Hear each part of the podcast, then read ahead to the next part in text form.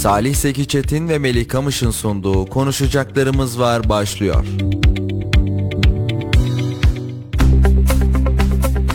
...91.8 Radyo Radar'dan Konuşacaklarımız Var programından... ...herkese mutlu akşamlar sevgili dinleyiciler. Ben Melih Kamış. Ben Salih Zeki Çetin. Salih hoş geldin. Hoş Nasılsın? bulduk Melih. Teşekkür ediyorum. İyiyim. Sen nasılsın? Teşekkür ederim. Yoğun bir günün ardından yeniden mikrofonlarımızın başındayız. Evet birazcık yoğundu. Sabah saatlerinde e, Kayseri'nin inşa edilmiş ilk cami olarak e, bildiğimiz Seyit Battal Gazi Camii'nde başladı programımız. Mustafa Cingil hocamızla dört dörtlük tarih programının ilk çekimini gerçekleştirdikten sonra Nerede Ne Yenir programı için çok güzel bir pizzacıya gittik. E, o da bu hafta içerisinde yayınlanır inşallah.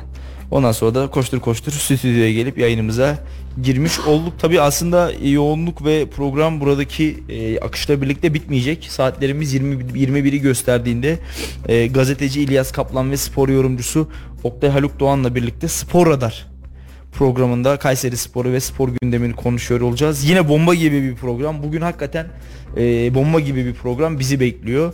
Geçtiğimiz hafta e, güzel bir program yapmıştık. Yine bayağı da ses getirmişti. Bugün inşallah geçtiğimiz haftadan daha dolu dolu, daha eğlenceli, daha böyle e, ses getirecek bir programa imza atabileceğimizi şimdiden düşünüyorum. E, kaçırmayın diyelim 21'de eğer bir işiniz yoksa Allah işi karışmıyorsa bizleri dinlemeye devam edebilirsiniz diyorum. Programa da başlamış olalım. Evet Salih bu akşam severek izleyeceğiz ve dinleyeceğiz ama dün Başakşehir ile bir mücadelemiz vardı. Özet şeklinde bu programda da sormak istiyorum. Maç öncesinde hem şehit aileleri ve gazileri çocuklarımız Evet. maçı izledi. Ardından da bir maçı geride bıraktık. 0-0'lık sonuçlanan bir maç var. Maçla ilgili kısaca yorumlarını alalım Tabii istersen. akşam akşam yine uzun uzadıya konuşacağız ama tabii şehit ailelerimizin ve şehit çocuklarımızın bu mücadeleyi tribünden takip etmiş olması oldukça kıymetli ve oldukça değerli. Ee, hep söylüyoruz şehitlerimizin emanetleri, şehitlerimizin bize bırakmış olduğu miraslara sahip çıkmamız gerekiyor. Geçtiğimiz günlerde kaybettiğimiz sivil şehidimiz Mikail Bozdoğan'ın evladı başta olmak üzere bütün şehit çocuklarının da yanında olduğumuzu buradan bir kez daha hatırlatmış ve söylemiş olalım. Dün şehit çocuklarımızı statta görmek, onların mutluluğuna ortak olmak bizleri bir kat daha mutlu etti. Maçın, skorun, oynanan futbolun inan hiç önemi yok. Bazen öyle anlar gelir ki sahadakini bırakırsın, tribündekini bırakırsın ve olayın özüne kendini verirsin. O çocukların yüzündeki bir gülümseme, bir mutluluk inan bana Kayseri Spor'un alacağı 3 puandan da atacağı 20 golden de çok daha kıymetli diyebiliriz. Ama çok şükür e, maçta güzel geçti. Yani galibiyeti elimizden kaçırdık öyle söyleyelim. E, aslında maçın heyecanı İstanbul'da başladı. Basın sözcümüz Samet Koç Çağdaş Hoca'ya lokma döktürdü. Biliyorsun ölenin arkasından lokma dökülür, lokma dağıtılır. Ee, Çağdaş Hoca'nın arkasından lokma döküldü. Bu da bizim için Çağdaş Hoca burada bitti anlamını taşıyor aslında. Kayseri Spor taraftarı dün de söylemiştik renkli bir karşılama yaptı hocaya ve üzerinde Çağdaş Atan'ın fotoğrafının bulunduğu 500 euroları tribünden kendisine doğru fırlattı. Ee, kendisi de o paraları alıp baktı. Yani e, yerden eğilip şöyle bir parayı kaldırdı ve ne nedir ne değildir diye şöyle bir baktı. E, tabii protestolar vardı. Tezahüratlar vardı 90 dakika boyunca Çağdaş Atan'a ve öğrencilerine olumsuz yönde tezahüratlar vardı. Küfür yoktu, hakaret yoktu onu söyleyelim. E, gayet ortaya konulan Kayseri Spor taraftarının ortaya koyduğu bir tepki vardı. Bir sitem vardı belki de. Bunu da söyleyeyim. E, ama tabii Çağda, Çağdaş Hoca e, gerekeni maç sonu söyledi diye düşünüyorum. O da alınmaca, gücenmece, darılmaca yapmadı. E, ben maç sonu açıklamalarını da dinledim. Kayseri Spor taraftarına hakkım helal olsun dedi. Kayseri Spor camiasına hakkım helal olsun dedi. Başakşehir'le görüştüğümü Kayseri Spor camiası da biliyordu dedi. Sportif direktör Murat Duman da ilk günden bu yana biliyordu dedi. Ben Kayseri Spor'dan izinsiz ve habersiz adım atmadım ama birileri beni taraftarın önüne bilerek atıyor dedi. İsim vermek de istemiyorum dedi. Ama taraftara hakkım helal dedi. Ben çok güzel günler geçirdim Kayseri'de ve bu güzel günlerin hatırına da taraftarımızı anlıyorum, anlayışla karşılıyorum ve onlara hakkımı helal ediyorum dedi. E, olgunca bir yaklaşımdı ki e, maçtan sonra Samet Koç da yine yöneticimiz Nurettin Açıkalın da açıklamalarda bulundu. Çağdaş Atan defterini burada kapatmış olalım bizler yolumuza bakalım dedi. E, keyifli bir 90 dakikaydı çok özellikle ilk maçın ilk dakikaları büyük heyecana sahne oldu. Kayseri Spor'un çok ciddi manada önde oynadığını e, hem pozisyon namına hem istatistiksel, istatistiksel anlamda e, Başakşehir'in çok önünde çok ötesinde olduğunu gördük. Tek eksiğimiz goldü. Golü de atmış olsaydık zaten e, bu güzel futbolumuzu ve mücadeleci oyunumuzu 3 e, puanla taçlandırmış olacaktık. Ama dediğim gibi tek eksiğimiz goldü. Gol yollarında sadece çok e, istediğimiz verimi alamadığımız için e, gol atamadık. 0-0 berabere bitti. Kaybettiğimiz bir şey yok kazandığımız bir puan olarak görmek istiyorum ama kaybettiğimiz iki puan da oldukça kıymetliydi bence. Yine de sağlık olsun. Şehrimizin takımı elinden geleni yaptı. Mücadelesini ortaya koydu. Yönetimin, futbolcunun ve hiç kuşkusuz 12. numara olan Kapalı Kale'nin ağzına, yüreğine, emeğine sağlık. Artık hedefimiz önümüzdeki maçlarda puan ya da puanlar alıp, alıp Kayseri Spor'un çok daha üst sıralarda yer almasını keyifle seyretmek olacaktır diye düşünüyorum. Ağzına sağlık inşallah nice güzel başarıları biz bu sene Kayseri Spor'da yaşamış oluruz. İnşallah. Futbol zevkinde yüksek olduğu bir dönem olmuş olur hepimiz için diyelim. İnşallah. Salih diğer bir konumuz. Milli İstihbarat Teşkilatı, Emniyet ve Şanlıurfa Cumhuriyet Başsavcılığı koordinasyonunda terör örgütü PKK'nın hücre yapılanmasına yönelik 18 ilde operasyon başlatıldı. 90'a yakın kişi gözaltına alındı. Diğer bir gündemimiz de bu. Evet e, operasyonların arttırıldığını söyleyebiliriz. Özellikle e, sadece Kayseri'de değil Türkiye genelinde de operasyonların arttırıldığını söyleyebiliriz ve buna bağlı olarak tabi başta e, narkotik olmak üzere Kayseri Emniyeti, e, Emniyet Genel Müdürlüğümüz birçok alanda sahada teyakkuzda deyim yerindeyse uyuşturucu tacirlerine göz açtırmıyorlar ve e, hakikaten burada uyuşturucunun kökünü kazımak için gençlerimizin zehirlenmesinin önüne geçmek için mücadeleye devam ediyorlar. Yine ahlak büro ekiplerimiz de ciddi bir çalışma yürütüyorlar ve bu çalışmanın içerisinde de hem Kayseri'deki huzurun ve sükunun sağlanmasında hem de Türkiye'deki e, ahlak düzeninin devam etmesinde polislerimizin, emniyetimizin çabası ve gayretinin büyük olduğunu söyleyebiliriz. Özellikle İçişleri Bakanlığı görevini Ali Yerlikaya'nın gelişinden sonra narkotik operasyonları anlamında ciddi çalışmalara imza atıldı ve e, her gün haberlerini aşağı yukarı hemen hemen her gün geçiyoruz. E, Birçok e, narkotik yani uyuşturucu satan, uyuşturucu taciri gözaltına alınarak hak ettikleri yerlere gönderildi. E, tüm Türkiye'de olduğu gibi dünya genelinde de dünyanın uğraştığı en büyük sorun ve problem e, uyuşturucu madde satıcıları. E, dünya olarak ortak kaygımız gençlerimizin insan nüfusunun ve sağlığının kirlenmemesi, bozulmaması. Tabii önceliğimiz kendi ülkemiz, kendi şehrimiz, kendi mahallemiz. Herkesin kendi kapısının önünü süpürdüğü, herkesin kendi etrafından uyuşturucuyu çıkarttığı ve soyutladığı bir Türkiye'de bir Kayseri'de zaten e, sorun sıkıntı kalmaz diye düşünüyorum. Rehabilitasyon merkezimizin yapımı hızla devam ediyor. Yeşilay'ın öncülüğünde Kayseri Valiliğimiz, Çevre Şehircilik Bakanımız ki şehrimizin hakikaten mihmandarı diyebiliriz. Şehrimizin abisi, şehrimizin büyüğü diyebiliriz. Mehmet Özasekin'in başkanlığında şehrimizin valisi, Büyükşehir Belediye'miz, ilçe belediyelerimiz ve hiç kuşkusuz Yeşilay'ımızın oradaki çaba ve gayretleri çok yüksek.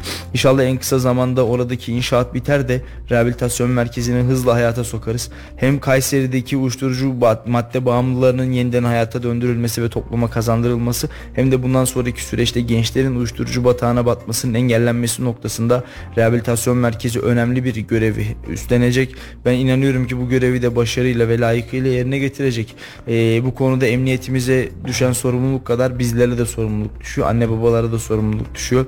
E, herkes kendi çocuğunun e, bu anlamda madde bağımlılığı anlamında eğer önünü kesebilirse ve herkes bu çocukları topluma kazandırmak için var gücüyle mücadele edebilirse ne rehabilitasyon merkezlerine gerek kalır ne de uyuşturucu satıcıları bu çocukları zehirleyebilir.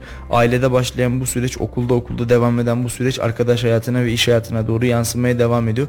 Hepimiz kendi etrafımızdaki arkadaşlarımızın e, madde bağımlılığı noktasında elimizden gelen yardımı kullanıcılar olduğunu bildiğimiz insanların eğer bunu kullanımını azaltmasına ya da tedavi görmesine yardımcı olabilirsek işte o zaman önümüzdeki yıllarda madde bağımlılığı gibi bir problemimizin ortadan kalkacağını ve bu problemin hiç olmayacağını görürüz ama e, bunun için dediğim gibi ailede başlayan süreç okula okulda devam eden süreç arkadaş ortamına ve iş hayatına dolaylı yoldan sirayet ediyor. E, geçtiğimiz yıllarda güzel bir çalışma yapıldı. Sen de hatırlayacaksın en iyi narkotik polisi anne diye. E, burada annelerin çocuklarıyla olan diyalogları ve madde bağımlısı çocukların e, davranışları anneler tarafından saptanarak gerekli ve ilgili mercilere bildirilmiş oldu. E, ben bunun ciddi manada hem Kayseri'ye hem Türkiye'ye fayda sağladığını düşünüyorum ve inşallah bundan sonra da e, bu tür çalışmaları yaparız. E, olayın özüne dönecek olursak da operasyonların hız kesmeden devam edecek ki bence etmeli. E, sadece şehir merkezinde değil işte geçtiğimiz günlerde Develi Avla'da yaşanan e, bu kötü olayı da bu elzem olayı da hep birlikte aslında hatırlamış ve söylemiştik. Bir kez daha buradaki şehidimize Allah'tan rahmet yaralanan polislerimize acil şifalar dileyelim. Sadece şehir merkezinde değil e, baktığımız Kırsalda zaman da. kırsal mahallelerde de aynı e, güvenlik tedbirlerinin alınması gerektiğini bir kez daha söyleyeyim. E, bu arada Yiğit Bey bizi dinliyormuş. Buradan kendisine de selam olsun. Ankara trafiğinde sizi dinlemek keyifli demiş. Biz de kendisine selamlarımızı iletiyoruz. Sosyal medya üzerinden dinliyorlarmış. Sağ olsunlar, var olsunlar. İnşallah önümüzdeki günlerde ve süreçte de Ankara ile ilgili güzel gelişmeleri ve programları takipçilerimizle paylaşabiliriz. Biz de Yiğit Bey'e selamlarımızı iletelim. Salih hem uyuşturucu baronlarına hem de çetelerle mücadele devam ediyor. İçişleri Bakanlığı'ndaki değişiklikle beraber Ali Yerlikaya ilk geldiği günden beri operasyonları hız kesmeden tüm hızıyla sürdürmeye devam etti. Bu işin bir de siyasi taraf var. Bugün de Kemal Kılıçdaroğlu İçişleri Bakanı Ali Yerlikaya'yı arayarak uyuşturucu baronları ve çetelerle mücadele ettiği için teşekkür etmiş Salih. Evet. E şimdi biz normalde çok fazla alışık değiliz siyaseten bu tür olaylara. Özellikle muhalefet partilerinden yapılan çalışmalarla ilgili destek noktasında bayağı bir eksiklik görmüştük geçtiğimiz dönemlerde. Yapılan işlerin ne kadar yani doğru olursa olsun teşekkür edilmediğini de görmüştük. Ama bugün Kemal Kılıçdaroğlu'nun İçişleri Bakanı Ali Yerlikaya'yı arayarak son dönemlerde yaptığı uyuşturucu baronları ve çetelerle mücadele ettiği için teşekkür telefonu açması da e, Türkiye siyaseti açısından önemli bir nokta diye düşünüyorum. Ya tabii e, şimdi bir kere şunun altını çizelim. Uyuşturucuyla mücadele noktasında ya da e, bu ülkenin gençlerinin zehirlenmemesi noktasında bir siyasi düşünce olamaz. Yani burada siyaset üstü bir olaydan bahsediyoruz ki bakanlar da bence siyaset üstü insanlardır. E, sonuç olarak e, bakan devletin bakanıdır. Hükümet iktidar devlet değildir. Ama bakan devletin bakanıdır. Ondan dolayı e, zaten bu işin iktidarının muhalefetinin olmaması gerekiyor.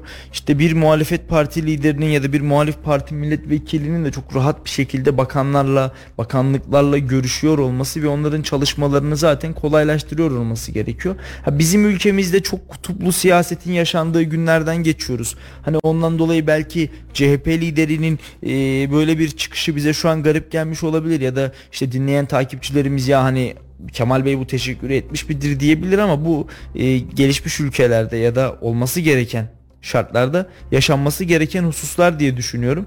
Ee, sadece İçişleri Bakanlığımız nezdinde değil yani evet o çalışmalar çok değerli ve kıymetli ama bir diğer, bir diğer taraftan döndüğümüzde Çevre Şehircilik ve İklim Değişikliği Bakanlığımızca da kentsel dönüşümsel anlamda ve deprem bölgesinin ayağa kaldırılması anlamında gerçekten önemli ve kıymetli çalışmalara imza atılıyor. Bunu görmezden gelmemek gerekiyor. E, bir diğer tarafta e, Dışişleri Bakanlığımız gerçekten Hakan Fidan'ın gelmesiyle birlikte Avrupa'da kendini, birliğini ve varlığını daha çok hissettirir pozisyona geldi.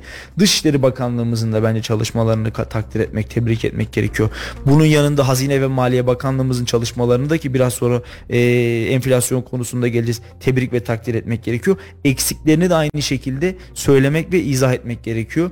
E, bir problem, bir sıkıntı varsa ya da daha iyileştirilmesi gereken bir husus varsa bunları da yine İçişleri Bakanlığı'na açık bir şekilde izah etmek ya da işte e, Dışişleri Bakanlığı'na izah etmek, Ekonomi Bakanlığı'na, Hazine ve Maliye Bakanlığı'na izah etmek gerekiyor. Doğru yapılan şeyler kadar yanlış yapılan ya da yapılmayan hususlar da var. Bunları da biliyoruz. Bunları da dile getirmek gerekiyor. Bu hassasiyetler önemli. Bu bağlamda Kemal Bey'in çıkışı bence yerinde olmuş. Çünkü e, ortaya konan marifet her zaman iltifata tabi olmalıdır. Hakikaten Ali Yerlikaya İçişleri Bakanlığı görevine geldiği günden bu yana özellikle uyuşturucu noktasında ülkemizde ciddi ve bence önemli çalışmalara imza attı. Belki de Süleyman Soylu'nun 3-4 yılda yapmadığını 3-4 ay içerisinde gerçekleştirmiş oldu. E, Soylu Bakan biraz daha sinir uçlarıyla oynayan, e, çok böyle uç düşüncelere haiz olan ve siyasi anlamda bir tarafa çok fazla çekilmiş bir bakan modelinde ve rolündeydi. E, Ali Yerlikaya birazcık daha bu portföyden uzak, daha sessiz, sakin ama e, daha böyle sert ve emin adımlarla ilerleyen bir İçişleri Bakanı profili çiziyor.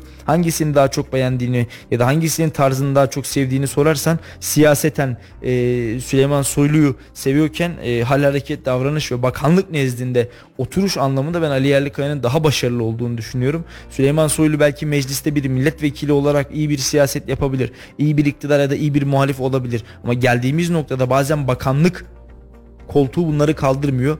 İşte meclise çıkarak oh olsun, oh olsun, oh olsun deyip e, meydanlara indiğinde oh oh oh şeklinde sloganlarla muhalefete yüklenen e, Süleyman Soylu maalesef Ali Yerlikaya'nın yapmış olduğu bakanlığın yanından bile geçemez derecede bir bakanlık yapmıştı. Ha şunun hakkını yemeyelim. Terörle mücadele noktasında deprem ve e, doğal afetler hadisesinde ayağının çizmesini çekip meydana inmişti zaten Süleyman Soylu. Bunları yok saymayalım ama mevcudun yaptığını da es geçmeyelim. Eksiklerini söyleyelim. Çünkü bunlar bence Soylu'nun eksikleriydi. Ama Ali Yerlikaya ile birlikte bazı şeyler tamamlandı diyebiliriz. Ee, biz de teşekkür edelim İçişleri Bakanımıza. Madem siyasetten gidiyoruz bir biraz da siyasetten devam edelim Salih. Bugün Milliyetçi Hareket Partisi lideri Devlet Bahçeli'nin açıklamaları var. Kısaca açıklamalarını da aktarayım. İlk önce Kuzey Kıbrıs'la ilgili açıklaması var Devlet Bahçeli'nin. Artık Kuzey Kıbrıs Türk Cumhuriyeti demeye gerek yok. Kıbrıs Devleti demek gerekir. ifadeleri yer alıyor.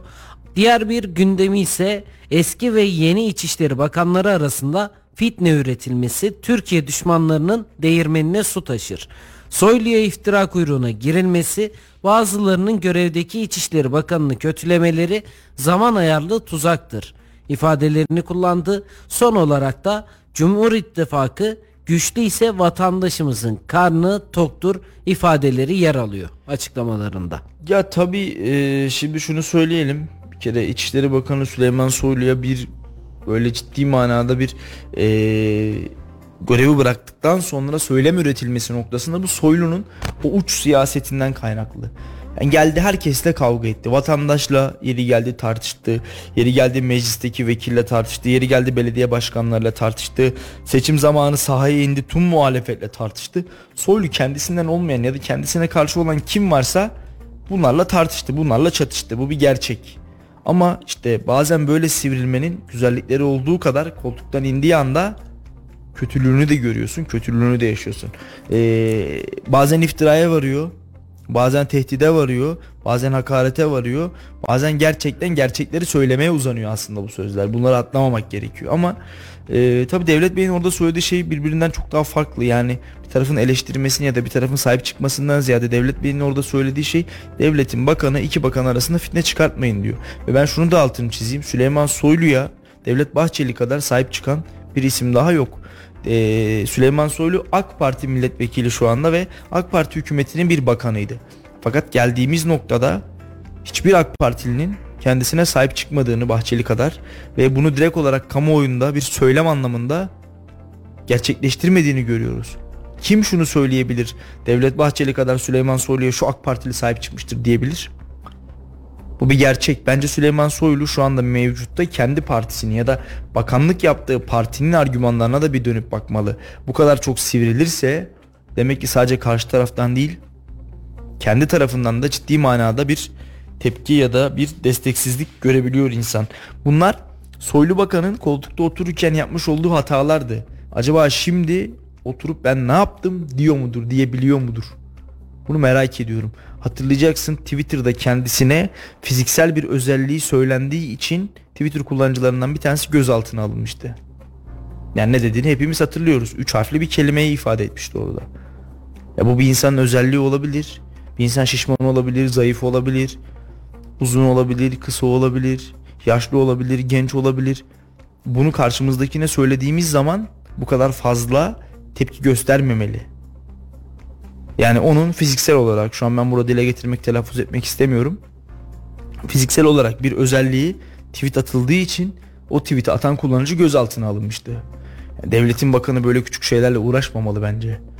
Bir dönem Varank Bakan vardı mesela Sanayi ve Teknoloji Bakanı şu an Bursa Milletvekili. Hani her çıktığı platformda muhalefete söylemediğini bırakmıyordu. Böyle bakanlık olmaz ki. Geçtiğimiz günlerde Kayseri'de bin tane kombi dağıtıldı. İşte enerji yatırımları ile ilgili bir toplantı yapıldı. Orada Çevre Şehircilik ve İklim Değişikliği Bakanımız Mehmet Özaseki bir konuşma yaptı. Bilmiyorum e, dinleyenler duyanlar vardır. Yani dedi ki bizim işte 1900 küsur tane belediyemiz var Türkiye'de dedi toplam. Bu belediyelerin tamamının yanındayız dedi. Bir belediye CHP'li olabilir, İyi Partili olabilir. Bunların hiçbirini birbirinden hizmetsel anlamda ayıramayız dedi. Çünkü her biri bizim vatandaşımızın oy verdiği belediye ve her biri bizim vatandaşımızın belediyesi, devletimizin belediyesi dedi. Demek ki bir şeyler değişiyor iktidarda. Demek ki bir şeyler değişmiş, bir şeylerin farkına varılmış. Ve Haseki Bakan burada hakikaten bu cümle, bu kurduğu bu cümle bence çok etkili ve çok önemliydi. İzmir'deki belediye neyse Kayseri'deki de o dedi ki öyle olmalı zaten. Yani biri birine oy vermediği için ya da biri birini sevmediği için tamamen kötü adam olduğu anlamına filan gelmiyor. Bugün Kemal Kılıçdaroğlu'nu seven insanlar Kemal Kılıçdaroğlu'nun şahsı olduğu için %100 Kemal Kılıçdaroğlu'nu destekledikleri için filan değil. Kimi ideolojiden dolayı, kimi atadan dededen CHP'li olduğu için, kimi CHP'nin başında Kılıçdaroğlu olduğu için seviyor.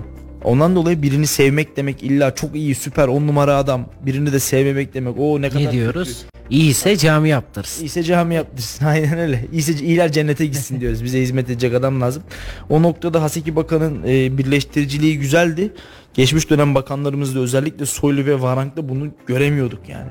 Ha, şu anda ikisi de o siyaseten sivrilmenin ve siyaseten bir tarafa sürekli olarak yüklenmenin yalnızlığını yaşıyorlar. Ve bu yalnızlığın içerisinde kendi taraftarlarından da bazen darbe görüyorlar, darbe darbe alıyorlar. Bu bir gerçek. Peki Salih eee, biliyorsun bir konu vardı. Rütük Ayşenur Arslan'a Halk TV'nin sunucusuydu ve orada bir program yapıyordu Ayşenur Arslan.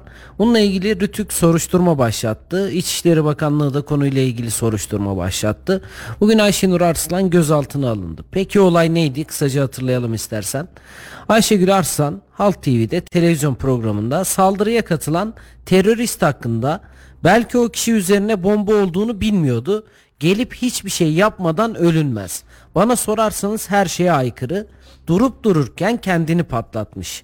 Ankara'da bir arabayı açıp düz kontakla çalıştırmak yerine neden Kayseri'de birini öldürerek ben geliyorum hey bombalar sırtımızda tabanca belimizde nedir yani şeklinde ifadeleri yer alıyordu ve Ayşenur Arslan'la ilgili hem Rütük'ten soruşturma başlatıldı hem de İstanbul Cumhuriyet Başsavcılığı gazeteci Ayşenur Arslan hakkında terör örgütü propagandası yapma ve suçu, suçluyu övme suçlarından resmen soruşturma başlattı. Bugün de Halk TV'nin yöneticisi bir açıklama yaptı. Programa söylenen sözler nedeniyle son verildiğini açıkladı. Bir gazeteci tarafından söylenilen bu sözleri de nasıl değerlendirmek gerekir?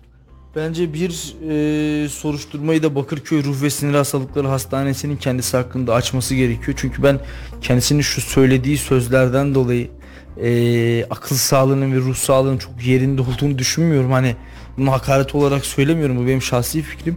Hani bir teröristin İçişleri Bakanlığımızın e, nizamiyesine girmek suretiyle kendini patlatmasını, Kayseri'de bir vatan evladını şehit etmesini ve orada iki tane polisimizi yaralamasını örtbas edebiliyor.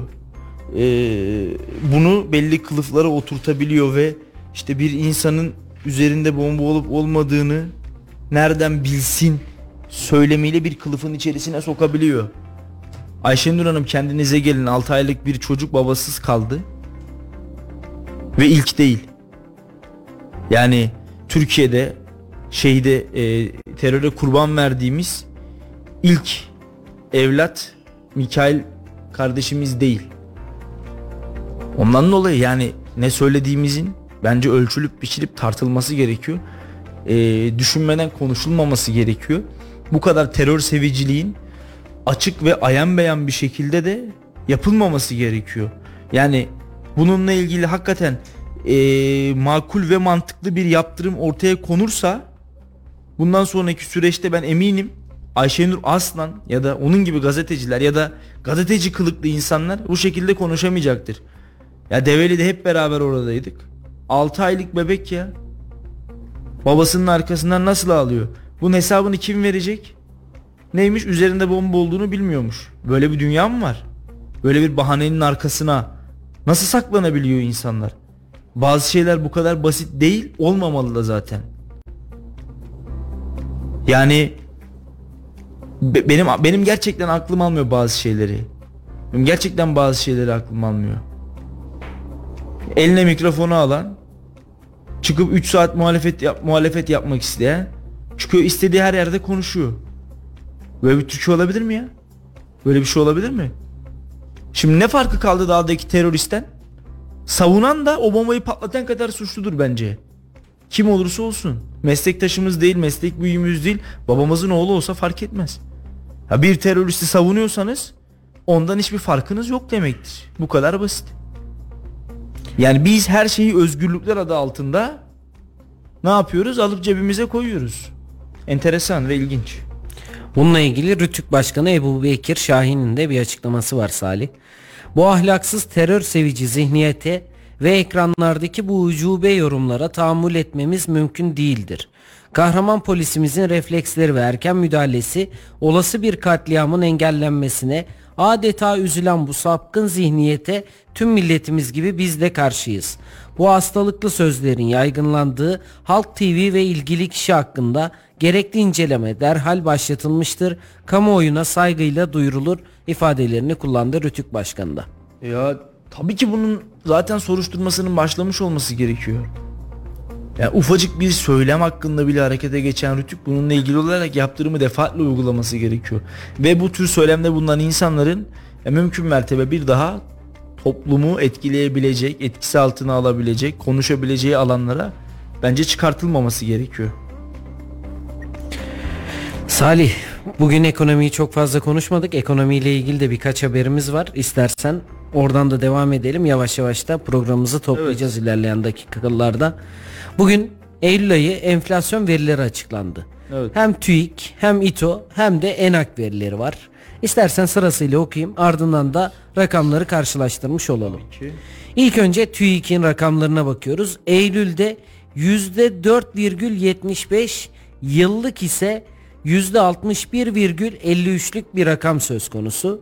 İTO'da Eylül'de %5,46 yıllıkta ise %73,18 ENAK verisi de Eylül'de %6,24 yıllıkta ise %130,13 olarak açıklamış.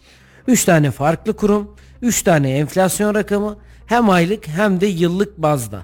Sen neler düşünüyorsun bu rakamlarla ilgili? Ee, Valla Melih ben artık firmaların, şirketlerin, kurumların bize sunmuş olduğu enflasyon rakamlarına çok inanamıyorum. İnanmak istemiyorum. Çünkü gerçek enflasyonu sokakta görüyoruz. Gerçek enflasyonu meydanda görüyoruz. Dün 4 tane vesikalık resmi fotoğrafı 100 liraya çektirdim. Şu an bir tane albüm boy evlerimizde albüm olarak koyabileceğimiz fotoğrafların tanesini 15 liraya çıkartıyorlar. 15 lira bir fotoğraf. 4 tane vesikalık 100 lira. Bunlar gerçekten çok ciddi rakamlar. Sadece fotoğraf anlamında ve alanında değil. Birçok sektörde, birçok alanda bu fiyatların ne kadar yukarı doğru hareket ettiğini hep beraber görüyoruz zaten.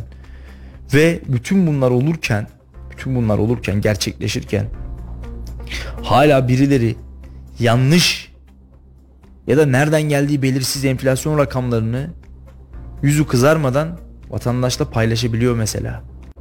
Ya insan şu enflasyon rakamlarını söylemeye kurum ismi vermek istemiyorum artık daha fazla bir çekinir. Der ki yani her şeyin bir adabı var. Bu kadar vatandaşı böyle yanlış yönlendirmeyelim, kandırmayalım demek istemiyorum devlet kurumuna. Ağzım dilim varmıyor ama neye göre enflasyon rakamlarını hangi fiyata göre baz alıyorlar anlamıyorum. Ama gerçek enflasyonu görmek isteyen, gerçek enflasyonu anlamak isteyen, gerçek enflasyonu hissetmek isteyen varsın çarşıya pazara çıksın. Varsın gitsin bir şeyler almaya çalışsın, alışveriş yapsın. Enflasyon rakamlarını bu ülkede en iyi 3 tane çocuğu okula giden ve onlara harçlık vermeye çalışan babalar bilir. Enflasyon rakamlarını en iyi eşlerine destek olmak için çalışmaya çalışan ve bu hengamenin içerisinde mutfak masrafından biraz da olsa kısıp evini geçindirmeye çalışan anneler bilir. Enflasyon rakamlarını en iyi arkadaşları simit, poğaça, cips, çikolata yerken bunları tüketemeyip uzaktan onlara bakan garibanın çocukları bilir. Enflasyon rakamlarını en iyi birileri makam arabasının klimalarında sıcacık gezerken karın içerisinde baş parmağı yırtılmış ayakkabısıyla kartopu oynamak zorunda kalan çocuklar bilir. Bıraksın enflasyonu halk açıklasın, bıraksın enflasyonu vatandaş açıklasın. Kimse de kimsenin aklıyla oynamasın, alay etmesin. İnsan rakam açıklarken birazcık yüzü kızarır. Azıcık yüzü kızarır. Bu kadar olmamalı yani. %300'leri, %400'leri bulmuş enflasyon. Frenimiz patlamış kamyon gibi nereye gittiğimiz en azından birkaç yıllık süreçte belli değil. Önlem almaya çalışıyoruz, müdahale yapmaya çalışıyoruz. Bir taraftan enflasyon, bir taraftan fırsatçılık, bir taraftan vergi yükü vatandaşın canına tak etmiş durumda. Ve bu hengamenin içerisinde farklı farklı rakamları enflasyon rakamı diye vatandaşa anlatmaya çalışıyoruz. İşte iş zor. Ee, Merkez Bankası'nın Başkanı Gaye Erkan'ın da bir açıklaması var. Ona Evet. da değineceksin herhalde. İstersen direkt değinelim. Olur. Bugün mecliste bir sunum yaptı Merkez Bankası Başkanı Erkan ve enflasyonla ilgili mesaj verdi. 2026'da enflasyonu tek haneye indireceğiz ifadelerini kullandı. İlk kez milletvekilleriyle bir araya gelen Merkez Bankası Başkanı Hafize Gaye Erkan meclis komisyonunda sunum yaptı. Tüm araçları enflasyonu tek haneye indire, inene kadar kullanacaklarını söyleyen Erkan, yıllık enflasyonda düşüşü baz etkisiyle Mayıs 2024'ten sonra görmeye başlayacağız. 2025'te istikrar dönemi olacak ve 2026'da enflasyonu tek haneye indireceğiz ifadelerini kullandı. Peki 2024'e kadar bu vatan 2026'ya kadar bu vatandaş ne yapacakmış? Kendisi bununla ilgili de bir master plan hazırlamış mı acaba? Söylediği tarih 2026. Biz henüz 2023 yılındayız Gaye Hanım. Bu enflasyonun çıkmasına sebep olanlar, bu enflasyonu indiremeyenler inanın yani vatandaşın gerçekten bütün hakkı omuzlarınızda, sırtınızda. 2026 yılına kadar enflasyon tek haneye inene kadar biz ne yapacağız? Yani e, en iyi ihtimalle 2026 diyor. En iyi ihtimalle. 2026'ya kadar enflasyon 30'larda, 40'larda, 50'lerde, 70'lerde, 100'lerde mi dolaşacak? Tek hane dediği şey 10 ve 6 yani 9. Minimum enflasyon %10. Ve biz minimumdan hesaplarsak bile 2026'ya kadar %10, %10 ve %10 gerçekten çok büyük rakamlara imza atıyor. Hala bizim enflasyon azalmamız, hala bizim gerçekten eee, enflasyonist bir ülke olduğumuzun en büyük göstergesi. Serbülent Hoca mesaj atmış. Serbülent altı parmak bizi dinliyorum. Selam olsun. Yayınınızı diyor Sezen Aksu'nun tükeneceğiz şarkısıyla yapar mısınız diye. Alt fonda. şarkı eşliğinde yapar mısınız?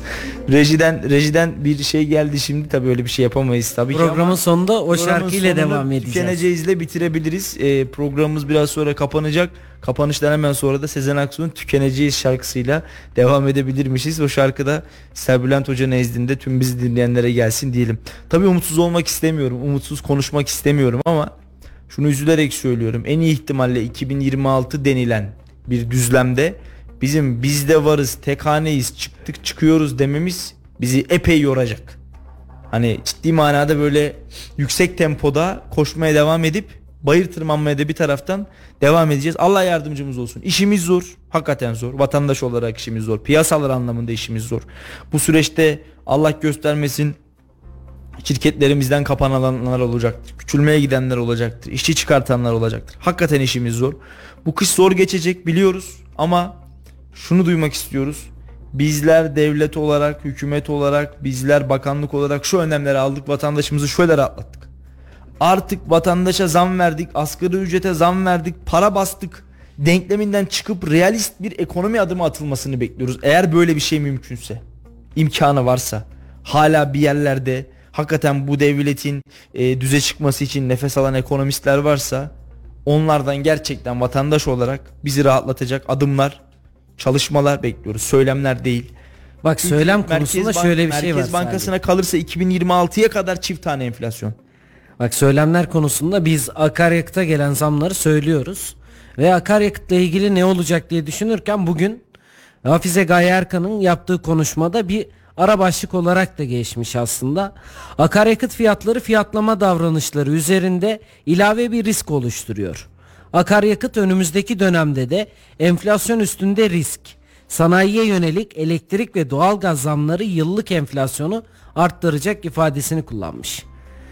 Evet biz risk olduğunu söylüyorduk. Bugün de Hafize Gaye Erkan'dan bunu duymak aslında eşleştiğini gösteriyor. Yani işte e, sen söylediğin kimin söylediği de önemli. Bizim ülkemizde e, neyin nasıl söylendiğinden ya da doğru mu yanlış mı olduğundan ziyade kimin söylediği de çok önemli. Çünkü Salih söylüyorsa bir problem olabilir. Ama Melih söylese problem olmaz. İşte Ahmet söylüyorsa bir sıkıntı var. Gaye Hanım söylüyorsa problem olmaz. Bizde bir de böyle bir sıkıntı var. Yani muhalefet söylüyorsa yanlış ama iktidar söylüyorsa doğrudur. İktidar söylüyorsa zinhar yanlış, muhalefet söylüyorsa kesinlikle doğrudur anlayışı da var. Ee, bunlardan çıkıp kurtulup sıyrılmamız gerekiyor bence. Diyelim. Evet Kayseri'den gündemleri de kısa kısa okuyalım sonra da toplayalım Salih yayınımızı. Dün geceden itibaren aslında Kayseri Emniyeti'nin numaralı bir çalışması vardı. Şehir genelinde. Dün de Kayseri'de 122 aranan şahıs yakalandı. Kayseri Koca Sinan İlçe Emniyet Müdürlüğü tarafından Eylül ayında yapılan çalışmalar doğrultusunda 72.838 şahıs 33.047 araç kaydı sorgulandı. Bu kapsamda 122 aranan şahıs yakalandı. Öte yandan 158 faili meçhul olay aydınlatılırken 116 faili firar şahıs yakalandığı açıklandı. Önemli bir rakam Salih. Eylül ayında da Emniyet Müdürlüğü Kayseri'de gerçekten önemli çalışmalara imza attı. Ya diyorum ya e, hakikaten emniyetimiz ciddi çalışmalara imza atıyor, atmaya da devam ediyor. Edecek de buna inanıyoruz ama e, dediğim gibi daha fazlasına, daha fazlasına ve daha fazlasına ihtiyacımız var. Her zaman daha fazlasına ihtiyacımız var. Emniyetimizin yanındayız. E, emniyetimizin bundan sonraki tüm İstersen emniyetle ilgili genel görüşlerini en sona bırakalım. Çünkü çok sayıda operasyon var ve Eylül ayında yapılan çalışmalar da var. Tabii. Ee, Kayseri'de fuhuş yapılan 8 ev kapatıldı. Asayiş Şube Müdürlüğü ekipleri Eylül ayı faaliyet raporunu yayımladı. Rapora göre 4 kasten öldürmeye teşebbüs, 1 kasten öldürmeye teşebbüs, 1 kasten yaralama, bir görevi yaptırmamak için direnme, Olaylarının şüphelisi 13 şahıs yakalandı. Fuhuş yapıldığı tespit edilen 8 ev ilgili komisyon kararıyla kapatıldı. Ardından büyük bir operasyon gerçekleştirildi narkotik ekiplerinden. Ka- Kayseri'de narkotik ekiplerince 67 ekiple düzenlenen eş zamanlı operasyonda 24 kişi gözaltına alındı. Operasyonlarda ise çok miktarda uyuşturucu madde ele geçirildi. Eylül ayında 107.614 ve e, 107.614 araç ve sürücü denetlendi. İl Emniyet Müdürlüğü Çocuk Şube Müdürlüğü'nün Eylül ayında satıcılık ve dilencilik yapan yayaları ve sürücüleri taciz ederek para vermeye zorlayan çocuklara yönelik yaptığı çalışmalarda 17 aileye işlem yapıldı. Öte yandan Eylül ayı içerisinde yapılan trafik faaliyetlerinde Kayseri genelinde yapılan denetimler neticesinde 107.614 araç ve sürücü denetlenmiş oldu. Eylül ayında da Emniyet Müdürlüğü ekiplerimizin yapmış olduğu güzel çalışmaların sonuçlarını yaptıkları, e, derledikleri rakamlarla da bir kez daha somut olarak görmüş olduk Salih. Evet ya Melih zaten söyledim ya ben yayınımızın başında da emniyetimiz gerçekten yoğun ve hummalı çalışmalara imza atıyor. Allah yardımcıları olsun. Süreçler gerçekten zor ama tabi yeter mi yetmez daha fazlası olması gerekiyor. Daha fazlasını bekliyoruz, daha fazlasını istiyoruz ve e, bizler de kamuoyu olarak bu konuda emniyetimizin elimizden gelen e, onların çalışmalarını duyurmakta, onların çalışmalarını ve onların e, bundan sonraki süreçte yapacaklarını duyurmakta üzerimize düşen her ne varsa bunu yapmakla mükellefiz zaten. Allah yardımcıları olsun, ayaklarına taş değmesin ve hiçbir emniyet gücümüzün inşallah acısını Allah bizlere göstermesin. E, çünkü hani tabii ki şehit olmak e, ya da bir yakınınızın şehit edilmesi toplum olarak, vatandaş olarak her ne kadar gurur verici olsa da e, sevdiğinizi ya da bu ülkenin bir ferdini al bayrağı sarılı bir tabutta gördüğünüz zaman hakikaten öyle içiniz herhalde yürekten parçalanıyor. Ondan dolayı Allah hiçbir emniyet mensubumuzun acısını bizlere göstermesin diyoruz.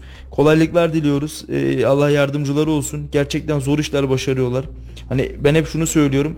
Evimize bir hırsız girse kendi yuvamıza, kendi evimize polis gelmeden adım atmıyoruz. E, emniyet güçlerimiz bizim için bu noktada böylesine değerli. Kendi yuvamıza bile e, bir hırsız girdiyse biz onlardan önce adım atmıyorsak onların bizim için yaptıkları ve ülke için yaptıklarını yapacaklarına zaten e, kelimeler anlatsak yetmez. Emniyet Genel Müdürlüğümüze, Kayseri İl Emniyete, Kayseri Valiliğimize, kaymakamlıklarımıza teşekkür ediyoruz. Bu tür çalışmalarının da devam etmesini istiyoruz, diliyoruz. Sana da teşekkür ediyorum. Ağzına sağlık. Ağzına sağlık Salih. Bizler de 21'de yeniden burada olacağız. Gazeteci İlyas Kaplan ve spor yorumcusu Oktay Haluk Doğan'la beraber Spor Radar programında Kayseri Sporu ve Kayseri'de sporu yorumlayacağız. E, spor meraklıları çok keyifli bir yayın sizlerle beraber olacak. Sakın kaçırmayın diyorum. Ağzına yüreğine sağlık Salih. 21'de radyolarımızda hem de Kayseri Radar, Radyo Radar ortak yayında bizler de burada olacağız. Bize ayrılan sürenin bugünlük de sonuna gelmiş olduk. Saatlerimiz 17'yi gösterdiğinde hafta içi her gün sizlerle birlikte oluyoruz. Bizi dinlediğiniz için, bize vakit ayırdığınız için her birinize ayrı ayrı teşekkürlerimizi sunuyoruz. Bizde, bizden bu kadar diyelim. Görüşünceye dek hoş kalın, hoşça kalın. Salih Seki Çetin ve Melih Kamış'ın sunduğu konuşacaklarımız var sona erdi.